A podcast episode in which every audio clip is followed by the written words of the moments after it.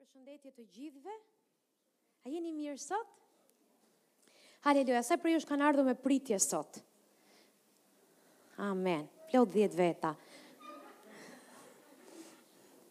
Perëndia ynë është i mirë. Amen. A mund të lutemi 2 minuta në frymë e ta lëmë frymën e Zotit të marrë kontroll mbi këtë fjalë që besoj që e ka vendosur në zemrën time për ta çliruar për ju.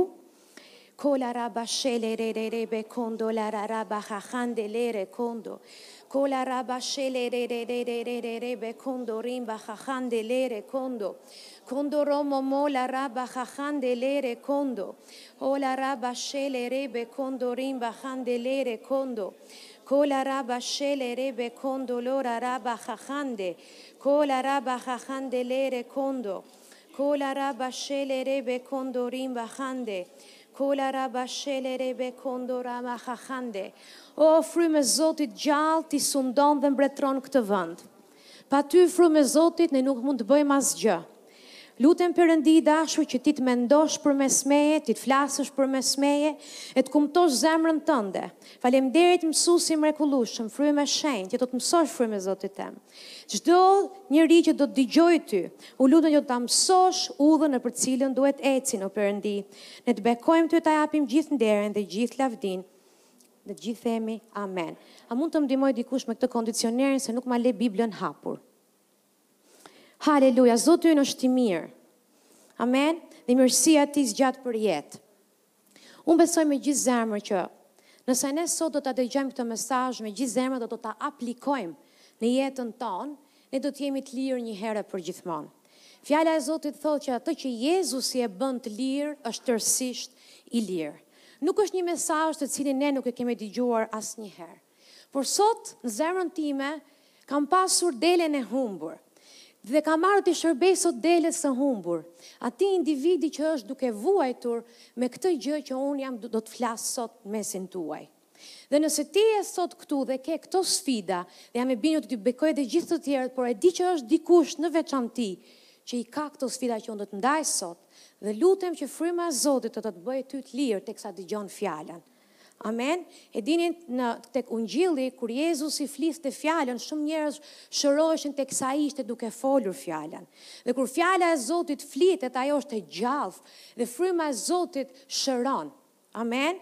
Ai ringjall çdo gjë që ka nevojë të marrë jetë brenda teje, zemrën tënde, në mendjen tënde apo në çdo fushë të jetës tonë. Amen.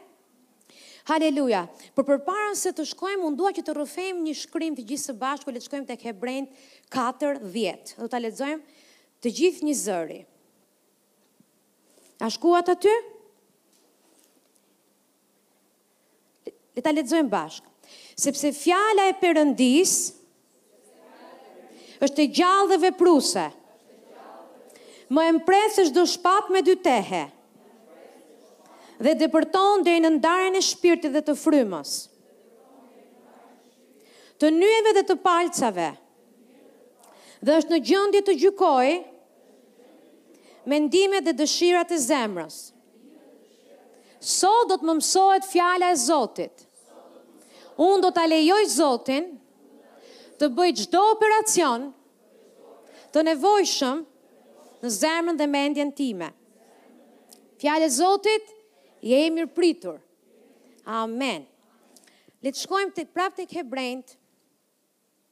Kapitulli dymbëdhjetë Përpara disa javësh, pastori ka ndarë një temë që mua më bekon shumë, që thosh kërkoni paqe me të gjithë dhe shenjtëri, pa të cilën askush nuk do ta shohë Perëndinë. Unë besoj që çfarëdo lloj zbulese që ne marrim në jetën tonë, që na bekon dhe ndryshon jetët tona. Në momentin që ndryshohemi, ajo nuk është më vetëm për ju, është për gjithë ata që kanë nevojë për atë zbulesë që ti ke marrë. Dhe unë lutem me gjithë zemër që ato të vërteta që janë bërë dritë në mua të bëhen dritë në ty.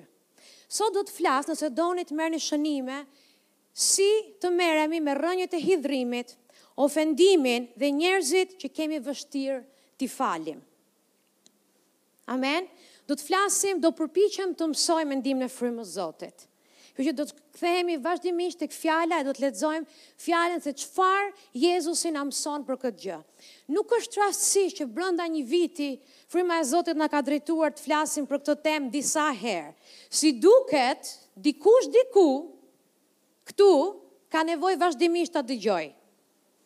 Amen Si duket dikush diku ka një man që duhet ta shkulë. Dhe nëse s'ia ke dalë dot vetëm, sot lutem që Zoti të të ndihmojë së bashku ta shkulim me anë të fjalës së gjallë të Zotit. Amen. Haleluja. Shikoni se si thotë. Vargu katërmbëdhjetë, Kërkoni paqen me të gjithë dhe shenjtërinë pa të cilën askush nuk ka për ta parë Perëndinë. Duke u kujdesur fort që askush të mos mbetet pa hirin e Perëndisë dhe mos se mos mbijë ndonjë rrënjë e hidhur dhe t'ju turbullojë dhe me anë të saj të ndoten shumë njerëz. Amen. Tek Luka shtatëmbëdhjetë një, Jezusi teksa është ulur me dishepujt, thotë, Skandalet do të vijnë. Mos u habisni kur të vijnë, unë ju garantoj që do të vijnë. Çfarë janë skandalet? Është një gur pengese që i bëhet dikujt që ta rrëzojë, ta bëjë ta turbullojë dhe të, të humbasë gjykimin e shëndoshë. Në greqisht është fjala skandalon, skandal. Skandalet do të vijnë. Dhe do të vijnë dhe Jezusi nuk po përpiqej të profetizonte diçka negative, por duke qenë se ne jetojmë në një botë të rënë, mundësia për t'u skandalizuar është gjatë gjithë kohës. Edhe sot me anë të fjalës Zotit, ne do të shikojmë si mund të jetojmë të lirë nga këto skandale. Sepse që do të vijnë, është mbaruar ai muhabet. Çështja është kur ato të vijnë, si të merremi me to. Amen. Dhe fjala e Zotit na thotë që Jezusi ishte duke i mësuar dishepujt e tij. Dhe të ruhuni, te Hebrenjtë sapo lexuam, të mos mbijë ndonjë rrënjë e hidhur. Mirëpo, do flasim njëherë nga vijnë, kush janë arsyet pse, pse shkaktohen ofendimet. Gjëja e parë që njerëzit ofendohen është sepse shumicën e rasteve njerëzit kanë pritje ro, jo realiste ndaj disa njerëzve të tjerë. Ata presin që ti të bësh një filan veprim apo një filan sjellje sipas mënyrës që ata e perceptojnë. Dhe nëse ti nuk e bën si ata e mendojnë, ata e kanë bërë gati terrenin për t'u ofenduar me ty. A është e qartë? Dhe tjetra, ose nuk ke bërë diçka si ata duan që ti ta bësh, ok? Ose pse nuk e ke, ose prit ta lexoj tjetrën se, ngaqë janë shumë të ngjashme dhe i ngatërroj. E para, kanë pritje jo realiste ndaj tyre, kur ka bërë diçka që ai ose ajo nuk e priste, domethënë. Ti ke bërë diçka dhe atij i ka ardhur surprizë, nuk e priste që ti do veproje në këtë formë. Kjo është një arsye pse njerëzit ofendohen. Dhe tjetra është kur ata presin që ti të bësh diçka dhe ti nuk e ke bërë.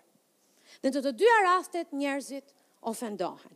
Për shembull, e zëmë se dikush sëmuret nga besimtarët dhe shkon në spital. Dhe në mendjen e tij, besimtari krijon pritjen që duhet të vijë të më vizitojë pastori personalisht.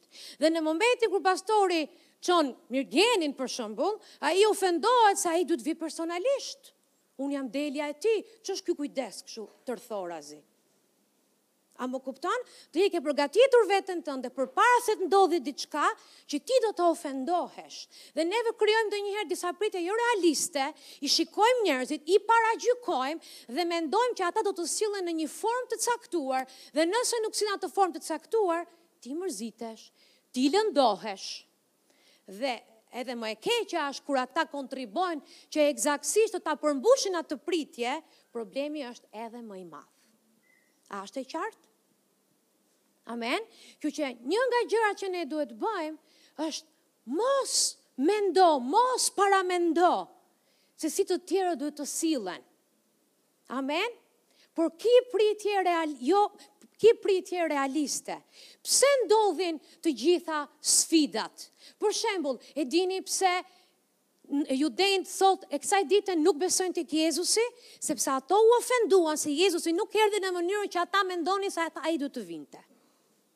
Dhe sot e kësaj dite janë duke ngrënë frutin e ofendimit të tyre për shkak se nuk besuan shpëtimtarin që erdhi për ta. Dhe ka shumë pak të krishterë në atë komb për shkak se nuk besojnë që Jezusi erdhi dhe u ringjall dhe pagoi mëkatin sepse prisnin që të vinte në mënyrën që ata mendonin se ai duhet të vinte. A është e qartë? Pse ka nëpër kombe të ndryshme probleme veri-jug? Sepse diku, dikush, ka mbjellë një rrënjë hidhrimi dhe ka thënë disa gjëra për filanin dhe nga goja në gojë është bërë gur pengese dhe pastaj trashëgohet nga brezi në brez. Dhe njerëzit dhe fëmijët rriten me hidhrim, ndërkohë që s'kanë lidhje fare as Njëra palë dhe as pala tjetër.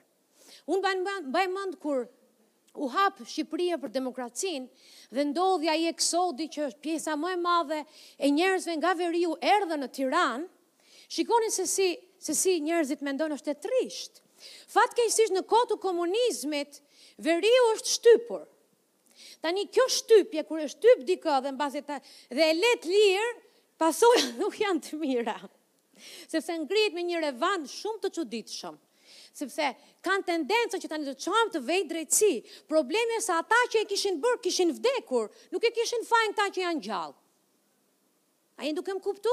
Kështu që gjatë kohës që u hap edhe erdhi demokracia një pjesë e veriut u shpërngul për të ardhur për të jetuar në në Tiranë dhe kur erdhën me qëllim që ne do t'ju tregojmë atyre se ça domethënë me qenë burrë. Ne do t'u tregojmë atyre, por në mënyrën më të gabuar dhe mbaj mend, dhe për shkak të një dy tre individëve të gabuar, të formosh një opinion të gjerë, është e trishtë sepse veriu ka burra që njihen për besnikëri, burra me integritet të lartë. Dhe nuk ka lidhje fare, nuk mund t'i futësh të gjithë për shkak të rrënjës hidhrimit, për shkak të njërit që ka bërë disa veprime i fusim gjithë me një thes thotë populli.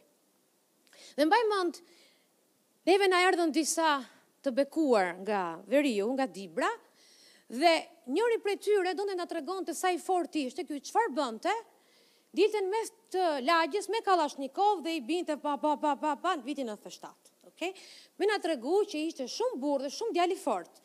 Dhe ça bënte, i kishte fut terrorin gjithë vajzave të lagjes, i ndalonte dhe i thoshte ti do martosh me mua, me kallash në krah, hec se thuj jo. Tani, duke parë këtë skenë, prindërit e mi tmerrohen, po si prindërit e mi tmerrohen dhe ca prindër tjerë, dhe formojmë një damp, erdhën këta, ata, edhe i vendosin pastaj emra dhe epitete. Po ndërkohë, të vegjlit që janë të pafajshëm, i dëgjojnë prindërit, dhe rriten me këtë urrejtje që njerëzit në veri nuk janë të mirë. As në jug nuk janë të mirë.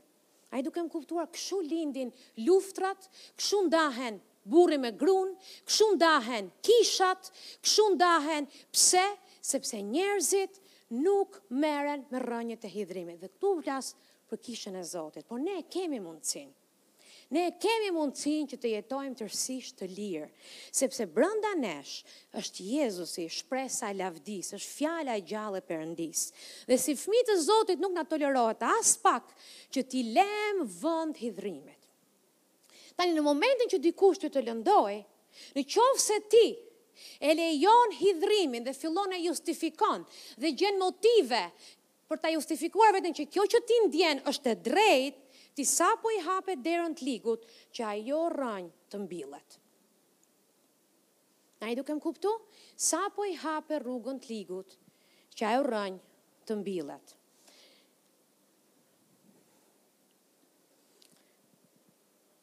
Dhe në qoftë se ne nuk merremi strategjikisht në mënyrë të menjëhershme, fatkeqësisht, këto lloj rrënjësh kanë një kapacitet rritje të frikshëm. Mua më bekoi shumë fjala në greqishte e fjalës hidhrim, që ishte pikria dhe ishte përshkrimi i një njeriu cinik, i një njeriu sarkastik, i një njeriu i cili Thotë edhe pamjen kishte pamjen e një kafke. Pse? Ia shpjegoj pse. Një njeri që është i hidhëruar, Fjala e Zotit thotë që goja do të flasë nga mbushëllia e kujt? E zemrës. Nëse ti je i hidhëruar dhe e ke meditu dhe e ke lënë atë gjë që të zërë rrënjë në zemrën tënde, gjeje për çfarë do flasësh. Ti do flasësh, do takosh shokë, do takosh, pavarësisht se ti mund të mendosh në zemrën dhe në mendjen tënde që hidhrimi im është personal, është dhimbja ime, jo nuk është dhimbja jote, sepse goja jote do të flasë me ça ti je mbushur. Dhe nëse ti je i hidhruar ndaj filanit, gjeje çfarë, sapo të ulesh, dy tre muhabetet e para, do dali në pah. Problemi yt, sepse ti e ke meditu kaq gjatë, e ke vujt kaq gjatë, e ke mendu kaq gjatë për atë personin, si ta bëri, ku ta bëri, qysh ta bëri, dhe është e pamundur që goja jote mos t'i japi zë kësaj gjëje. A është e drejtë që, që fëmijët e Perëndisë të sillen në këtë formë? Fjala e Zotit është shumë e qartë. Dhe Dhe kjo gjë fatkeqësisht unë e shikoj që të ndodhi edhe nëpër martesa.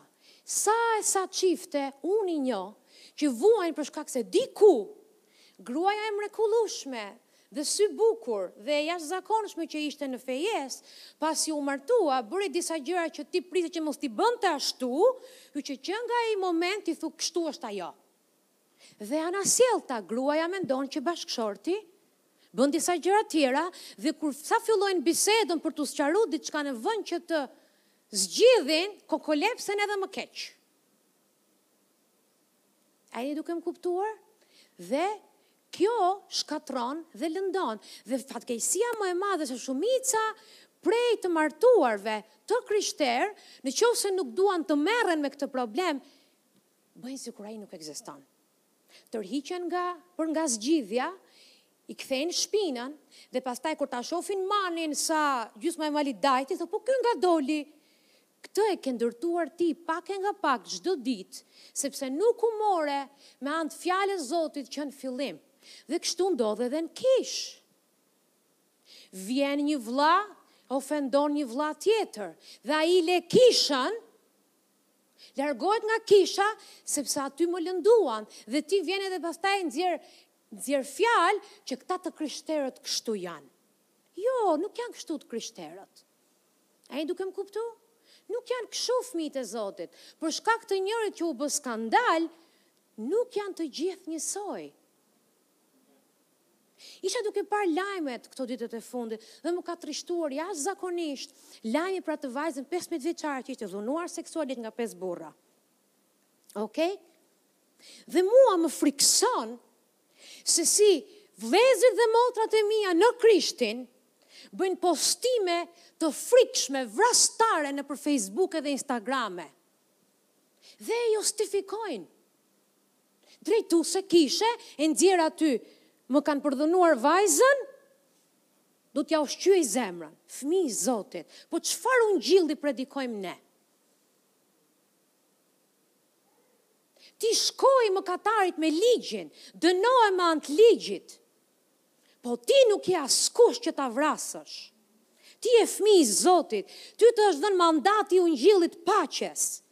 Ti je këtu për të sjellë shpëtim edhe mëkatarin më të madh që ekziston. Nuk është e, është e shëmtuar në sytë e Zotit. Unë nuk jam dakord me çfarë ligësish bëjnë atje jashtë. Ato duhen dënuar sipas ligjit, se Bibla thotë nëse bie në burg do të paguash sipas ligjit. Dhe ashtu pagofshin gjithsecili prej tyre. Po që unë të bëj postim, për të treguar se si do ta kisha bërë copë copë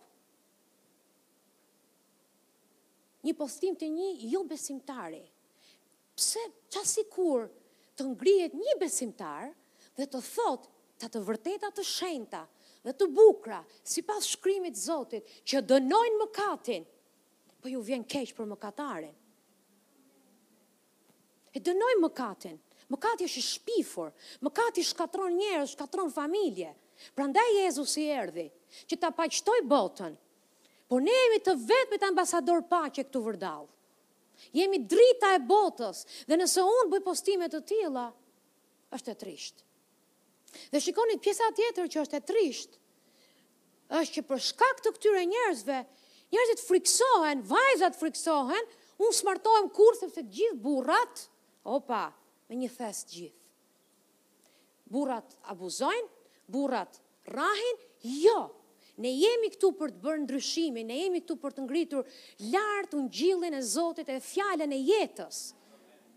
Po more ka burra të Zotit që ecin me integritet dhe e duan Perëndinë dhe janë shembull, janë bashkëshortë të denjë, janë janë janë vëllezër të denjë, janë baballarë të denjë. Këta shembuj duhet të ngremë ne. Ça sikur dikush të bënte një shkrim, është e trishtë, është e tmerrshme çfarë po ndodh, po por nëse ti ndjek Jezusin, nëse ti ndjek Jezusin, ka shpresë, e s'ke pse digjesh në ferr. Amen? Kështu që këtë gjë bëjnë rrënjët e hidhrimit, shkatërrojnë, vrasin. A mendoni ju se gjithë ata besimtarë që i kanë postuar, ato ndihen dhe krenarë për veprimet e tyre, por Bibla i quan vrasës. Bibla thotë nëse ti e mendon në zemrën tënde, dhe mua m'u duk e mirë menduar me zemrë e me shpirt, nëse ti mendon në zemrën tënde, ti e ke kryer. A jeni duke më kuptu? Dhe ne, hakmarrja i takon Perëndisë. Amen. Hakmarrja i takon Zotit. Ne jemi këtu për të sjellë jetë, prandaj quhet ungjill paqeje. Lajm i mirë, jo lajm i keq. Vlla, e ke marrë shtegun me marshin e pesë për në ferr. Por ka një lajm të mirë, ti nuk ke pse paguan se dikush dy mijë e ca vjet përpara pagoi për ty. E mori ai mallkimin tënd. E mori ai ndëshkimin. E mori ai gjithçka të keqe, e mori ai në drurin e kryqit. Amen. Kështu që nuk ka hije që të krishterët dhe fjala e Zotit na thotë që ne duhet të mbajmë lart fjalën e jetës. Amen? Toka rënkon që bijtë e dritës të ngrihen, po jo të ngrihen si bota. Unë dua shumë që të krishterët të ngrihen kundër abortit, kundër homoseksualizmit, kundër çdo gjëje që është e pisët në këtë botë, sepse ne jemi drita e botës. Por jo për t'i vrarë sikur bota bën, por t'i thënë që je në rrugës për në ferr, po ka shpresë për ty. Amen? A është e qartë kjo gjë? Dhe kështu, kur nuk merresh me rrënjët e hidhrimit, ti vret dhe pret dhe as që e di që bëre. Amen? Dhe, po në kishë, unë kam parë bashkë me pastorin shumë raste, në shërbesën tonë të njerëzve që ofendohen me ne. Dhe kemi pasur kaq shumë njerëz që Vijnë me shumë pasion, në zell, dashuri me Perëndinë, që pastor ne do t'ju ndjekim ju deri në fund të botës. Dhe me thënë të vërtetën, unë kam frikë kur dëgjoj këtë frazën sepse pres të dëgjoj gjelin që këndon 3 herë. Më mirë ditë pas dite i besnik pa fjalë se sa të bësh kështu përkushtime jetike dhe pastaj e le përgjysmë sepse ofendimi është aty është gati i ligu që do të vendosë një gur pengese keni parë këta çuna të vegjël apo edhe të mëdhenj që rrinë nëpër lagje dhe i vënë stërkëmbësh njëri-tjetrit hopa me kokë poshtë në të njëjtën mënyrë Hidhrimi dhe ofendimi bën. Ai do t'i vejë këto syze. Kur ti ofendohesh, a më dëgjon, a? Kur ti ofendohesh, ti shikon çdo gjë përmes ofendimit. Ti shikon çdo gjë përmes ofendimit. Të është errësuar gjykimi. Dhe pastori që ishte deri dje Babai yt frymor, ai që ti e do shumë, për shkak se nuk bëri atë që prisje që ti mendon se ai duhet të bënte, po në vend që të bënte atë, të qortoi, mbase edhe t'uli e të korrigjoi, ai në atë moment bëhet problem për ty. Dhe ti befas, pastorit i dalin pa të gjitha dobësitë që ti nuk i kishe parë ndonjëherë, sepse ti ke veshur syzet e ofendimit. Dhe ti nuk mendon më kthjellët, sepse ajo rrënjë hidhrimi ka zënë vend në ty dhe ti mendon përmes saj, ndjen përmes saj, flet përmes saj, merr vendime përmes saj. Dhe fjala e Zotit te Hebrenjve thotë që mos mbijë ndonjë rrënjë, rrënjë e hidhur që me anë të saj të ndoten shumë veta. Si u ndotkan shumë veta? Ja u them unë se si ndoten. Njerëzit mërziten me njëri-tjetrin, kam parë shërbyes që mërziten me njëri-tjetrin, shkojnë shpi dhe flasin për palën tjetër që janë ofenduar në sy të fmijve. Dhe fmijt që e donin shokun e babit, apo shoqen e mamit, në momentin që dëgjojnë që dikush ua ka lëndu babin edhe mamin, sigurisht që do mërziten me palën tjetër. Ok? Dhe ti mendon se je duke vënë drejtësi, duke fol me bashkëshorten tënde, po ndërkohë ti i ke njollosur fëmijët e tu. Dhe sa herë që fëmijët e tu shohin shoqen e mamit dhe të babit, ata do të mendojnë përmes asaj njolle. A je duke më kuptu? Dhe në qoftë se ata pajtohen, se se Zoti ndërhyn, marrëdhënia restaurohet, Lavdi Zotit sepse në Perëndinë ka gjithmonë restaurim, po fëmijët janë të njollosur, i ke njollosur ti me gojën tënde. Dhe kështu njollosin besimtarët njëri-tjetrin, dhe kështu njollosin nënat bijat e tyre për shkak se kanë vuajtur me vjehrrat e tyre, i rrisin bijat me frikë e me tmerr që kur të shkojnë te Drakula, Zoti Jezus,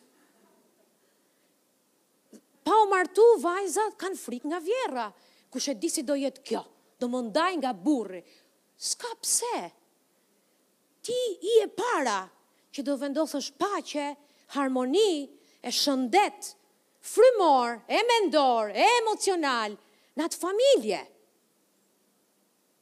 Po është e vërtetë që kjo anekdota vjehërr nuse apo kunata, ku, kunata?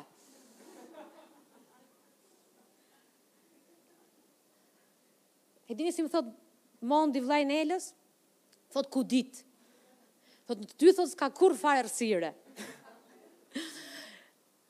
Dhe pse? Sepse diku kanë digju mamin e vet, duke u zënë me kunatën, a duke u zënë me vjehrrën, dhe rriten me këtë frikë. Më kupton? Dhe pastaj mamaja lind fëmi, ushqen edhe fëmit e vegjël. Nëna kështu ma bën, nëna dhe shkojnë, po ku shkojnë nënat dhe qajnë hallet me fëmit e vet, të shkretit, janë të vegjël, nuk dinë të mbajnë të vetat, të mbajnë dhe hallet e tua se u zure me vjehrrën. Dhe ka, kur vjen nëna, pastaj e shef nënën me tre palë dylbi, se po më lëndon mamin. Nuk është kështu, nuk duhet të jetë kështu. Unë jam shumë e ashpër në shpi dhe i kam fmit e mi dëshmitar. Kur dik, kur flitet keq për dikë, nuk bëhet fjalë flitet keq, por që është tendenca për dhënë një opinion që s'ka ça të duhet ty për dikë tjetër. E aq më pak për familjarët. Familjarët nuk janë perfekt, Po familjarët, unë jam e vetmja dritë për ta që të vijnë te Zoti, a kam unë luksin që të më ngelet hatri se nuk më trajtojnë njësoj si nusja tjetër, jo, unë do të mbaj lart fjalën e jetës. Amen? Dhe kështu të krishterët, në vend që të luftojnë sipas mënyrës së Jezusit, luftojnë absolutisht në të kundërtën. Dhe nuk duhet të jetë kështu. Le të shkojmë tek Luka 17. A po bekoheni?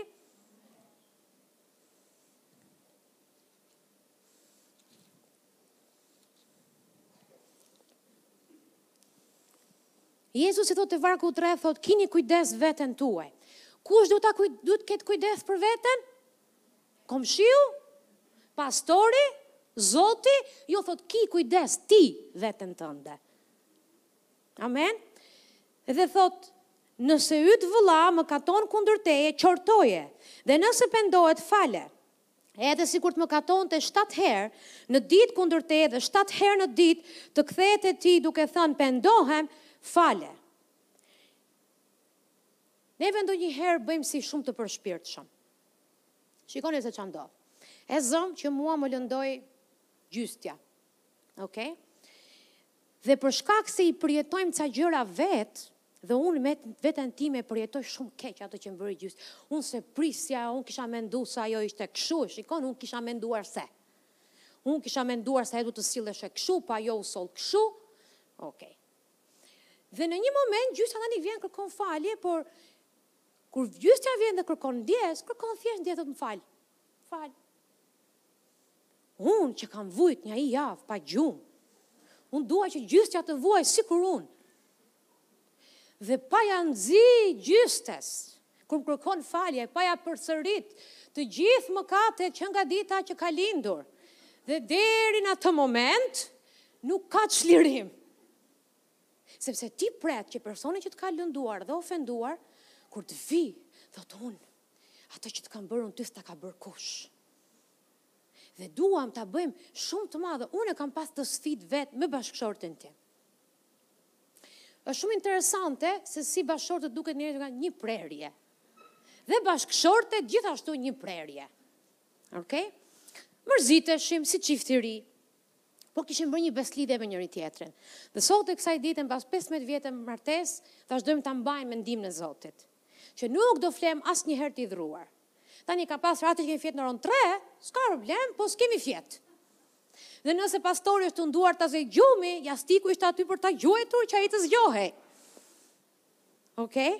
Sepse unë nuk nuk duroja dot që të isha jo në paqe me të, më vriste. Pse? Sepse kam frymën e Zotit. Duhet të na vrasë, po s'na vrau, ka gjë që s'shkon me ty. Më vriste, po ky, ngaqë s'është si unë, unë futem në agonie, në vujtje, në vajtime, qaj nja tre orë, pesë, tre, nuk qaj më. Lavdi Zotit se jam rritur dhe kam kuptuar që jeta është e bukur edhe kur mërzitemi, hidhe tutje e vazhdo rrugën. E rrija nja tre orë duke qarë, dhe shiko, kur rrija duke qarë aty shpresoja që ai duhet ta kuptojë veten e tij që unë po vuaj shumë.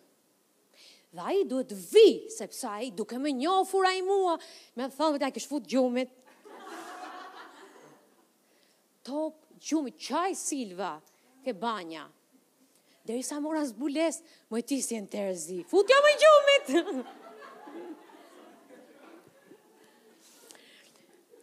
Shkoja te dhoma e shik Shkoja te dhoma E zgjoja Dhe shikoni tani se pse desha të dilja diku Ai çohej kështu përgjumësh Dhe e them unë, si, guxove, dhe ja tregova gjithë ngjarjen e tmerrshme, domethënë apokalipsi. Dhe ai tha, pse e mërzitur ishe ti? O e tmerrshme. Domethënë, ti ishe e ofenduar se të ofenduan. Ti u ofendove dhe se s'të kërkuan falje siç doje ti që të të kërkojnë, i lidhur kur hyre e i lidhur kur dole. A më kupton? Dhe ne duhet të jemi të shpejtë në të falur. Dhe burri im nuk është nga ata që të bëjnë poezi kur kërkon falje. Them fal, fal. Unë bëj poezi, ai jo. Fal, them unë po thuhet zemër, më vjen keq, jo më ç'ne, më fal. Dhe unë kam mësuar të them haleluja, amen, i falur qofsh. Amen. Sepse duke i krijuar vetes time pritje jo realiste, i vetmi që vuante, me sa kisha kuptu isha vetë. Lavdi Zotit, fjala e Zotit më ka bërë të lirë. Dhe lëre që s'merrem më me këto fëmijëllëqe, sepse nuk ja vlen të trishtosh frymën e Zotit me hidhërim e me dhimbje të tilla, dhe këto janë minimale, por njerëzit vuajnë gjëra dhe më serioze. Njerëzit kanë me të vërtetë raste të cilat janë të lënduar realisht dhe dikush i ka bërë keq me të vërtetë Dhe ça bëjmë ne në raste të tilla? Ja ça thotë Jezusi, Edhe sikur të mëkatonte shtatë herë në ditë kundër teje, dhe shtatë herë në ditë të kthehet te ti duke thënë pendohem, fale. Atëherë apostujt i thanë Zotit, na e shto besimin. Tani, një gjë që unë kam vënë re, është që njerëzit kur nuk duan të mbajnë përgjegjësi, për veprimet e tyre dhe nuk qëndrojnë në këmbë për të bërë, t'u sjellë si njerëz të rritur në Zotin, gjithmonë fusin besimin në skenë. Po ti po se ti je fort, unë s'e bëj dot. Po ti shëro se ti ke besim, unë s'kam besim sa ty. Po ti po ti ke gjithë ato vite ti e njeh mirë fjalën, njihe fjalën dhe ti. Paguaj çmimin dhe ti. Se unë kam rënë nja pesëqind herë me fytyrë përtokë e jam ngrejt prapë. Sepse fjala thotë të kërkoni për paqe me gjithë. Dhe fjala kërkoni ishte shumë e bukur sepse thoshte ngjason me një gjahtar që ndjek prenë e vet. Ti do ta kërkosh paqen sikur gjahtari prenë, këmba këmbës, derisa të sigurosh paqe. Edhe mos e justifiko veten që s'kam besim mjaftueshëm. Dhe teksa Jezusi i dëgjonte që flisnin me këtë gjuhë, na shto besimin. Jezusi thotë një gjë shumë të mrekullueshme, thotë nëse e ke besim sa një kokërr sinapi, thotë s'ke nevojë për shumë besim, që do të thotë nuk është çështje besimi, është çështje vendimi. Ti mund t'i thuash këtij mani, shkulu edhe mbillu ku, në det, dhe ai do të bëjë ekzaktësisht siç ti i the. Pse na thotë fjala që duhet t'i thuash? Sepse zëri yt është autoritet në sferën frymore. Ti duhet t'i flasësh hidhrimit, ti duhet t'i flasësh ofendimit, me anë të fjalës, thotë shkulu, e nëse nuk shkulet herën e parë, fliti derisa të shkulet. Amen? Dhe është shumë e rëndësishme, sepse zëri yt është shumë i rëndësishëm në sferën frymore. Ti je duke treguar autoritet, si bir i Perëndisë je duke treguar të drejtat e tua të plota si fëmijë i Zotit, për t'i folur gjithçkaje që vjen midis teje dhe Perëndisë, sepse fjala e Zotit thotë që kujdes, mos mbeteni pa hirin e Perëndisë. Hidhrimi të ndan ty nga hiri i Zotit. Dhe fjala e Zotit thotë kërkoni paqe me gjithë, pa të cilën askush nuk do ta shohë Perëndinë. Kjo fjala shohë ishte nuk do të futet në prezencën e Zotit. Amen. Sa prej jush doni praninë e Zotit në jetën tuaj? Sa prej jush doni që sa të futeni në dhomë, futeni në praninë e Perëndisë? Fryma e Zotit trishtohet kur ti lë rrënjët e hidhrimit të rriten në jetën tënde, mosfaljen. E dini, mund të bëhen vrastare, mund të bëhen vrastare, mund të shkatërrojnë me të vërtetë njerëzit për gjithmonë. Po dëgjoja një histori që më preku shumë, po edhe sa e trishtë. Një grua e cila, kur kishte qenë fëmijë, ishte abuzuar seksualisht nga dikush. dhe ishte rritur me këtë hidhrim, më pas shpëtohet, bëhet pjesë e një kishe lokale dhe pastori merr kohë shtatë vite, shtatë vite, për ta këshilluar se si duhet të falim.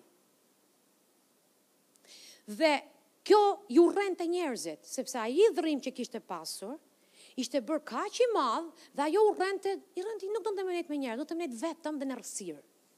Dhe ishte Shumë e sëmurë me artrit. E dini që hidhrimi dhe mosfalja shkakton probleme me shëndetin? Dhemb koka, s'ha dot bukë, sëmuresh nga gjëra të ndryshme, edhe shkencërisht është provuar që kur ti je i hidhruar, lëshohet një lloj lënde që është si formë helmi që fillon të dëmton shëndetin. A jeni duke më kuptu? Dhe pastori ishte marrë kaq shumë gjatë me të. Dhe një ditë ngrihet mes kishës, e shan pastorin, thotë ti na urren ne, ti s'na do, çan gjithë ata njerëz, nuk i shoh dot me sy, dhe pastori u detyrua ta nxirrte jashtë. A i vinte keq? Sigurisht që i vinte keq. Po i vetmi që e kishte çelësin e burgut të saj ishte ajo vetë.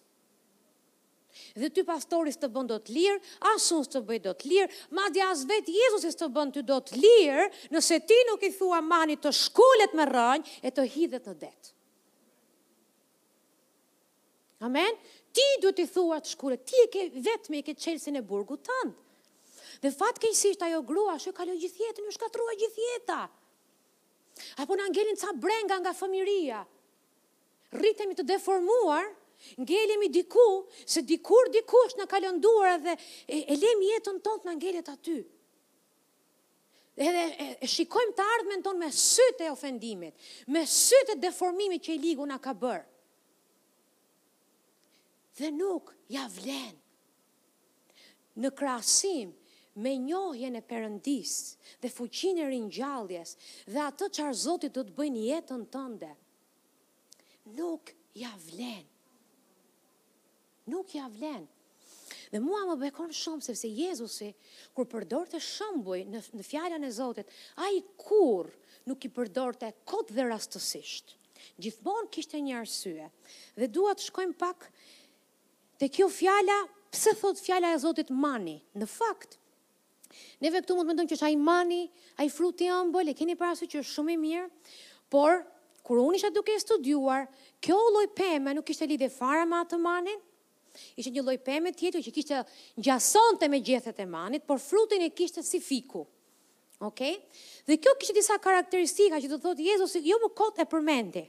Karakteristika e parë ishte që kishte konstrukti i rrënjëve ishte shumë i thellë dhe i koklavitur. Ok, kush po merr shënime ta shkruajë, e para. E dyta, rritej më shpejt kur nuk kishte ujë dhe në tokë të ashpër. Tjetra kishte frutin shumë të hidhur. Tjetra, këtë frut e hanin vetëm të varfrit. Sepse ishte e pamundur që ata të blinin fiq si të tjerët, kështu që për shkak se i ngjasonte fikut, ato përdonin këtë lloj fryti. Por dini çfarë ishte më e trishta? Që ky lloj peme ishte një vend ku vazhdimisht akrepat shkonin dhe lëshonin helm. Dhe gjëja tjetër që ishte edhe më e frikshme, ishte që druri i parapëlqyer, më i përdoruri për uh, arkivole. Që do thotë Jezusi nuk e përdori kot. Në qoftë se ti nuk merresh me hidhrimin, hiri i Zotit largohet, fryma e Zotit nuk mundet të depërtojë në ty, dhe rrënjtë e hidhrimit do të rriten e do të rriten. Dhe të varfrit kur e merrnin këtë lloj fruti, ishte kaq i hidhur edhe i tharët, sa duhet ta kafshonin vazhdimisht, sepse nuk mund ta hanin me një kafshatë. Dhe kështu është dhe ofendimi, ti herë pas here i kthehesh memorieve tua të liga, se si ta bënë, ku ta bënë, qysh ta bënë, pse ta bënë, dhe ha vazhdimisht nga ai frut, dhe gjeje çfarë, shpirti yt është i mjerë dhe i varfër. Për që prandaj Jezusi e mori shumë seriozisht, dhe i tha, nuk është çështje besimi, është çështje vendimi. Foli! Shkulu! Dhe ai do të të bindet. Po pse Jezusi i tha që të mbillej në det dhe jo në kosh plehrave? Se në kosh të plehrave kjo lloj peme mbinte prap, kurse në det uji me kripë e shkrinte, ja hiqte gjithë helmin, ja hiqte gjitha fuqitë, një herë e përgjithmonë. E kur ti merresh me hidhrimin seriozisht dhe e merr seriozisht fjalën e Perëndisë dhe ti bëhesh i lirë, ti do të bëhesh i lirë përgjithmonë. Mbaj mend kur ne u bëm pastor, një nga gjërat që bashkëshorti im ka thënë dhe unë kam ndarë dhe me ju dhe do ta them sepse është ligj jete. Më ka thënë zemër ne po shkojmë t'i shërbejmë Zotit. Ligji numër 1. Kurrë mos u ofendo me njerëzit. Gjejeni çfarë? Ligji numër 2, dita e dytë në kishë, ofendimi trokiti në derë. Okej? Në atë kohë Kisha që ne gjetëm ishte me shumë sfida. Dhe në drejtim ishin disa njerëz të cilët nuk ishin frymërisht në gjendjen më të mirë për të drejtuar tufën e Zotit. Dhe mbaj mend që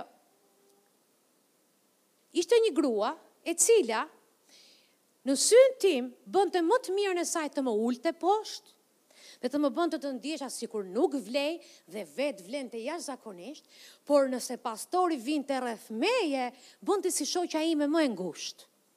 Oh, sa e dua pastore Silvën. Oh! Edhe thoshte fjalë të ëmbla. Tani e dini se sa e vështirë është, je vetëm 26 vjeç. Je me fëmijë të vegjël, s'je marrë kurrë me njerëz të çuditshëm. Okej. Befas e gjen veten që do t'i shërbesh kësaj tufe, ja ku t'i lëndojnë ndjenjat që ditën e dytë. Ça do bësh ti? Tani, fatkeqësisht shumë motra e vëllezër i mbyllin kishat sepse ofendohen diku me dikë. Unë e kisha në mend me hec me Zotin. Unë s'i dija të gjitha, unë kam bërë gabime me thes, po një gjë e kisha, e doja Zotin me gjithë shpirt, dhe ideja që mund ta mërzis, e mund ta lëndoj frymën e Zotit, e Perëndinë tim, më lëndonte jashtëzakonisht, kështu që për sa kohë je kështu ka shpresë. Dhe kjo nuk ishte një sjellje që ajo ma bënte një herë, ma ka bërë një vit e gjysmë rresht. Tani ishte shumë e lehtë që unë të shkoja të merrja ca besimtarë tjerë, siç bënte ajo. Ajo fliste keq për mua tek tjerët, është shumë e lehtë që tani unë të nisa një luftë me të. Unë fol keq për të e ajo fol keq për mua. Edhe kënaqemi t'i vejmë çelësin kishës. Po kështu bëhet në shumë kisha. Kështu përçahen njerëzit.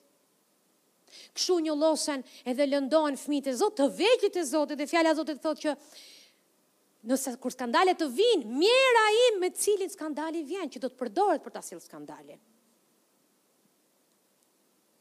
Amen. Dhe unë baj mend, kam qenë vetëm 15 vjeç, ishim ulur me një grup të rinjsh nga kisha ime e parë ku jam rritur, Dhe pastori i të rinjve ishte duke folur në tavolinë si pa pikë problemi, se sa problematik ishte pastori i kishës. Ishte duke e sharë pastorin e kishës në sy të grupit të të rinjve që ai e drejtonte vetë. Dhe unë isha aty. Dhe unë atë ditë u njollosa, sepse deri në atë moment unë e kisha andërr që kisha ishte e madhe, dhe unë e kisha andërr që pastori të më jepte dorën, të më përqafonte sepse e shifja si baba. Por atë ditë kur ai hapi gojën e tij e hodhi helmin e tij sepse ishte i helmuar vet, ai më njollosi mua. 5 vjet e lash kishën. E fjala e Zotit thotë që mjerë ai me anë të cilit skandalet vijnë. Kështu që hidhrimi yt nuk është vetëm personal i yti. Ti dukesh kur je i hidhruar. Ti sillesh kur në të formë kur je i hidhruar. Ti flet dhe ne gjithë e dinë që ti je i hidhruar. Të, të gënjen mendja që është e jotja, nuk është e jotja. Do të ndotësh. Qoftë edhe me qëndrim. Dhe në vend që të rrim pengje të të kaluarës, po çfarë na kanë bërë, Çlirojini! Vazhdoni jetën, sepse Jezusi vazhdon të jetë Zot. Amen. Dhe nuk ja vlen. E dini çfarë është më e trishta? Pastori vazhdon të jetë pastor, edhe 20 vjet mbasi ai e shau. Po ai është jashtë kishe, komplet në botë. Komplet në botë. Sepse do të marrësh frutin e veprimeve të tua. Dhe mjerë ai që ngrihet kundër të vajosurve të Zotit. Drejtuesët bëjnë gabime dhe do të bëjnë gjithmonë, dhe meqë ra fjala mos kini mendime edhe të ekzagjeruara që pastori, pastorët nuk e bëjnë kurrë këtë, ne jemi njerëz, mos e përgatisni veten që nuk e bëjmë këtë dhe këtë sepse jemi njerëz. Ini më të thjeshtë në gjykim. Drejtuesët bëjnë gabime, por Perëndia shumicën e rasteve mbron vajosjen Dhe me individin merret personalisht. Dhe nuk të takon ty të bësh gjykatësin, e as mua. Amen. Unë u ktheva në kishë, mbolla, lulëzova, pata shumë mundësi për t'u ofenduar sërish, por kisha marrë një vendim. Jezusi është Zot në jetën time dhe Ai duhet sundojë në çdo gjë. Amen. Dhe zemra ime është shumë e çmuar që unë ta ndaj me hidhrimin. Unë nuk dua që të shkatërrohet jeta ime. Unë nuk dua që të shkatërrohen fëmijët e mi e martesa ime e kisha ime, se s'më rri goja. Nëse s'të rri goja, merru me zemrën. Amen. Pastro zemrën. Edhe pastroje me themel. Dhe Zoti e ka fuqinë e fjalës tij për ta pastruar zemrën tënde me themel. Do të ketë gjithmonë gjëra të cilat do të vijnë në jetën tënde që të të ofendojnë ty. Madje, Zoti na kërkon që ne të jemi për sa është në dorën tonë të jetojmë në paqe me të gjithë, që do të thotë pas ka raste që nuk është në dorën tonë të jetojmë me paqe me të tjerët. Ka disa njerëz që nuk duan të jenë në paqe me ty, ama për sa të takon ty, ti do ta kërkosh paqen e t'i biesh mbrapa gjahut tënd si një gjahtar serioz derisa ta kapësh. Dhe duke folur për këtë gjë më kujtohet një individ i cili shumë i dashur për mua, të cilët për arsye të ndryshme u ofendua seriozisht me mua, me më pyet se di pse është mërzit, Sepse kështu ndodh ofendohen njerëzit. Nuk e di, realisht nuk e di. Ta dija, e kam Zotin dëshmitar që do bëja ç'është në dorën time të ndryshoj, po s'ma thotë njeri. Ka dhe kështu gjëra të çuditshme. U ofendua me mua seriozisht. Dhe e dija teksa më dhimbte kjo kjo kjo ndasia midis nesh, në lutje i kërkoj Zotit Perëndi, çfarë do ti që unë të bëj? Ça ka? Ka diçka që s'shkon me mua? Dhe Perëndia më kujtoi disa gjëra dhe më tha dua që ti të shkosh t'i kërkosh falje. Tani, me më lënduar, më kishte lënduar ajo, po Zoti donte që unë të kërkoj falje. Dhe ndonjëherë neve na duket kjo si, oh, po ai tjetri. Po Zoti po merret me ty, jo me atë tjetrin. Ai tjetri jep llogari për vete, ti jep për vete. Zoti është duke u marrë me ty. Dhe unë dua që fryma e Zotit të vijë në këtë komb. Dhe unë dua që fryma e Zotit të sundojë dhe të mbretërojë në kishën time. Dhe unë dua që sa të vij këtu, të futem në praninë e Zotit, kështu që asnjë rrënjë hidhësie, me aq sa kam njohuri dhe dritë, nuk do ta lejoj. Amen. Dhe Zoti më tha, dua që të shkosh ti, t'i kërkosh falje, madje më kërkoi, më tregoi dhe strategjikisht se si do të veproja nga ai moment e mbrapa. Tani unë shkova, E përula veten me gjithë zemër, sepse unë mendoj që ata që kërkojnë falje janë njerëz me integritet. Nuk është turp kërkosh falje. Amen. Kërkova falje. Kënaqësia nga ana tjetër ishte jashtëzakonshme, sepse iu konfirmua që unë isha fajtore dhe personi tjetër nuk ishte fajtor, nuk e kisha problem. Unë kisha shkuar aty për t'iu bindur zërit Zotit. Dhe bëra ekzakt siç Zoti më tha në ditët në vijim. Unë i kisha hequr syzet e ofendimeve, pala tjetër jo, vazhdonte të më shikonte kështu. Çfarëdo lloj gjëje që unë t'i thoja, nuk mund ta lexojë dhe njeriu i ofenduar, moj ti copash bo, s'par katën bëj. Ai individ nuk do sepse pa i heq syzet me vendim dhe ta japi çelësin duar te Jezus Krishtit dhe të bëhet i lirë, lodhu sa të dush. Por Por, unë e kam ndarë mendjen që do kërkoj paqe me të gjithë. Dhe vendimi që mora, pasi e pashë që veprimet që unë bëja nuk lexoheshin, thashë atëherë do të rris dozën. Tani dikush tjetër lodhet dhe thotë, "Oh, u, unë me këtë do merrem gjithmonë?" E po Jezusi u mor me ty. A thua vallë ofendimi yt është më i madh sa ç'iu bë Jezusit në kryq? A e di që Biri i Dritës u kryqëzua në sytë e gjithë botës dhe ishte gati i zhveshur tërësisht e u turprua e u bë shty e ça s'u bë për ty dhe mua? E u nda nga Ati për ty dhe mua, e e mori gjithë mallkimin e botës mbi trupin e vet e mbi veten e vet? A është ofendimi yt më i madh se sa ky? Lëre të shkojë. Shkunde, Shkule! Derisa, gjej shkrime nga Fjala e Zotit, rrënjosi, shpalli, dhe e dini që disa njerëz, mbase janë në rregull, në paqe me gjithë, nuk janë në paqe me veten, nuk e durojnë dot veten, dhe problemi është se kudo që të shkosh, deri në skajin e dheut, do ta kesh me vete veten. Kjo që bën mirë të pajtohesh me veten. Bën mirë të fillosh ta pëlqesh veten. Mbaj mend, pastor Spiru ka thënë një gjë të bukur në shkollë të Biblës kur ishte duke mësuar për shërimin. Po tregonte që kur Zoti është marrë me jetën e tij ka pas një imazh shumë t'ulët për veten e tij. Dhe ndonjëherë ne mendojmë që kur e shajmë veten, thjesht po themi që kështu si jemi. Kështu jemi, thjesht mëkatarë. Jo, s'jemi mëkatarë. Jo, sepse mëkati im u mor në drurin e kryqit. Unë jam drejtësia e Perëndisë në Krishtin Jezus. Apo kur dalin pastorë dhe thonë, se ne të gjithë mëkatarë jemi, jo, janë ata që janë të pashpëtuar mëkatarë. Unë bëj gabime, unë mëkatoj, po unë nuk jam më mëkatare, unë jam drejtësia e Perëndisë në Krishtin. Edhe po tregonte se si kishte një imazh të ulët për vete, dhe kishte dalë para pasqyre dhe po shante veten, a ti, ti, ti s'bën, ti, po shante veten e tij, dhe Fryma e Zotit i flet dhe e qorton.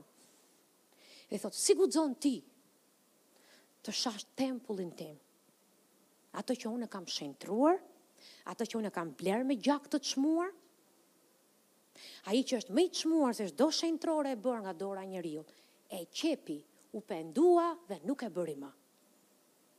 Dhe unë rri rreth e qark njerëzve dhe jush dhe ju dëgjoj si flisni, doni të bëni një test se ku jeni, pyesni familjarët tuaj, ça më dëgjon të flas vazhdimisht, Ça është gjëja që flas më shumë? Dhe nëse gjëja që flet më shumë është të shahsh veten e ta ulësh veten apo të tjerët apo situatat apo rrethanat, merru me zemrën. Shko te fjala, pastrohu me fjalën edhe jeto për Jezusin. I ndarë më njanë, i shenjtruar, i denjësuar, i larë me gjak, tempulli i Perëndisë. Amen! Perëndia na ka thirrur që të jemi drita e kësaj bote dhe është e patolerueshme. Dhe do ta mbyll me një shkrim që më bekoi shumë. Sepse shpesh herë kur kemi këtë këtë ndjesinë që a unë fala një herë, fala dy herë, Jezusi thotë 490 herë në ditë, që do thotë edhe kur e bën këtë, s'ke nevojë për shpërblim. sepse është detyra jote. Okej? Shikoni se si thotë ky pasazhi këtu që më bekoi shumë kur e lexova tek Luka 17, do ta mbyll me këtë. Dhe Zoti tha, Tani thotë cili nga ju po të ketë një shërbëtor që i lëron tokën ose i kullot kopen, do t'i thotë kur ai kthehet nga fusha në shtëpi, eja menjëherë në tryezë. A nuk do t'i thotë Përkundrazi ma bëj gati darkën përvishu e më shërbe që unë të ha e të pi e pastaj të hash e të pish edhe ti. Do ta falënderojë ndoshta atë shërbëtor sepse i zbatoi ato që i ishin urdhëruar? Mendoj që jo. Kur isha duke e menduar këtë gjë, u preka shumë nga ajo ça Zoti ishte duke marrë në zemrën time. Imagjinoje veten tënde ke marrë një vend pune.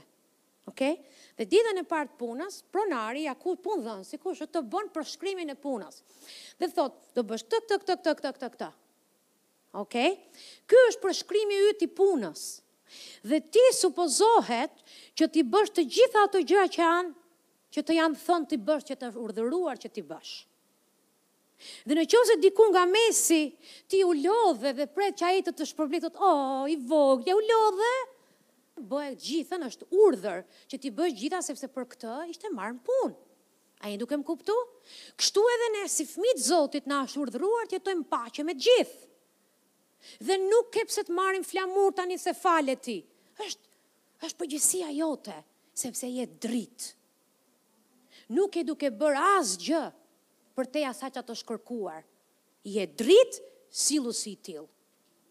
Është totalisht përgjegjësia jote. Dhe më bekoi shumë kjo e vërtetë. Do ta mbyll me një histori. Para shumë vite sapo u bëra pjesë e grupit të adhurimit në kishën time, shumë vite përpara, E doja kaq shumë Zotin dhe nuk e kisha problem sikur të më linin, ku di unë, në një vend aty s'më shifte kërkush vetëm që ta adhuroja Zotin. Për mua ishte një ëndërr e bërë realitet. Edhe këndoja me shumë qejf. Mirëpo duke u rritur, e zëri duke, përmirës, duke m'u përmirësuar, seç filloi të më pëlqejë pak vetja. Më kupton? Dhe, dhe kur më kishin marrë në adhurim, Drejtuesi i adhurimit tha do bësh këtë dhe këtë. Ky ishte përshkrimi i punës. Dhe unë fillova të kisha pretendime si pse vetëm ajo do këndojë soliste, unë s'do këndoj asnjëherë soliste. Dhe isha duke folë me një vëlla të mençur që më bekoi shumë. Edhe po i thoja po më ka ofenduar drejtuesi, sepse unë jam si e padukshme aty se edhe po jepa një mijë e një justifikime se sa e tmerrshme ishte dhimbja ime. Ok? Edhe ai më tha, kur ti hyre në adhurim, ti ishe kaq e lumtur që ishe pjesë, pse ndryshove rrugës? Ma mbylli gojën. E vërteta është që kisha ndryshuar sepse nuk isha marrë me zemrën time. Dhe pastaj bëra një beslidhje me veten time dhe Perëndinë tim. Nuk dua t'ja di kë kam para. Nuk dua t'ja di ku dhe qysh dhe tek. Unë do të adhuroj ty me gjithë zemër gjithë ditët e jetës time. Sepse kjo është arsyeja për të cilën jam krijuar. Nëse ka dikush që impresionon njerëzit është prania e Zotit. Jezusi është superstar vetë, s'ka nevojë as për ty e s'ka nevojë as për mua. sepse shkëlqen vetë. Ti je vetëm instrument në duart e Perëndisë. Dhe që të jesh një instrument i përdorshëm duart e ty, e Tij, lejoje të të përdorë sipas vullnetit të Tij dhe ji mirënjohës. Çfarëdo lloj shërbese që të është besuar në kishë, hunda poshtë, se lart ngulet në tavan. Jo për gjë, po është rrugë e shkurtër ajo në tavan. Është shumë shkurtër.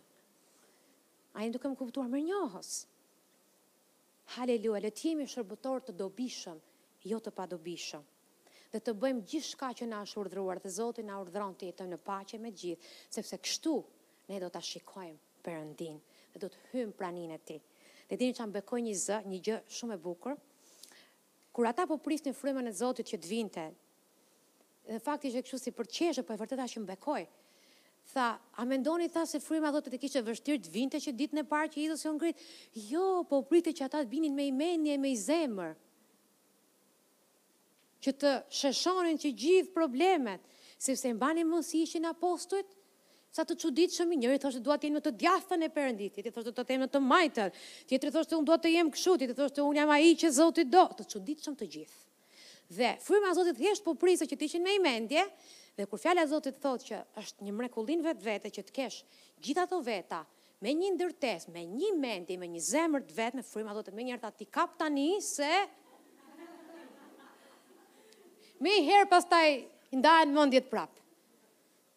Sepse vetëm fryma e Zotit është ajo që na bën një. Amen. Dhe pastaj këta çuditshmit, kur fryma e Zotit erdhi, i pam të bëheshin ata që e çuan ungjillin deri në skajin e dheut. Amen. Kështu që unë sa më shumë të lexoj fjalën e Zotit, unë kuptoj një gjë shumë thjeshtë, pa të ne jemi asgjë. Po me të ne mund të bëjmë gjëra të jashtëzakonshme. Amen. Doni që fryma e Zotit derdhet në këtë komb? le ta pastrojmë tokën, doni që shiu i Zotit të vijë, le ta pastrojmë arën, të heqim çdo gur, edhe mos lejojmë asnjë lloj mëni të mbijë, haleluja, sepse Zoti do që ne të jemi pemë të mbjella gjatë brigjeve të ujit dhe uji simbol i frymës Zotit. Dhe gjethet tona të jenë të blerta, kur ti je plot me frymën e Zotit çdo ditë, e plot me fjalën, kur ofendimi të vijë, Ti do ta dallosh, bëj rezistencë si çdo mëkati tjetër sepse është mëkat. Shpeshherë ne justifikojmë, por e vërteta është që është mëkat. Amen, le të ngrihemi gjithë në këmbë.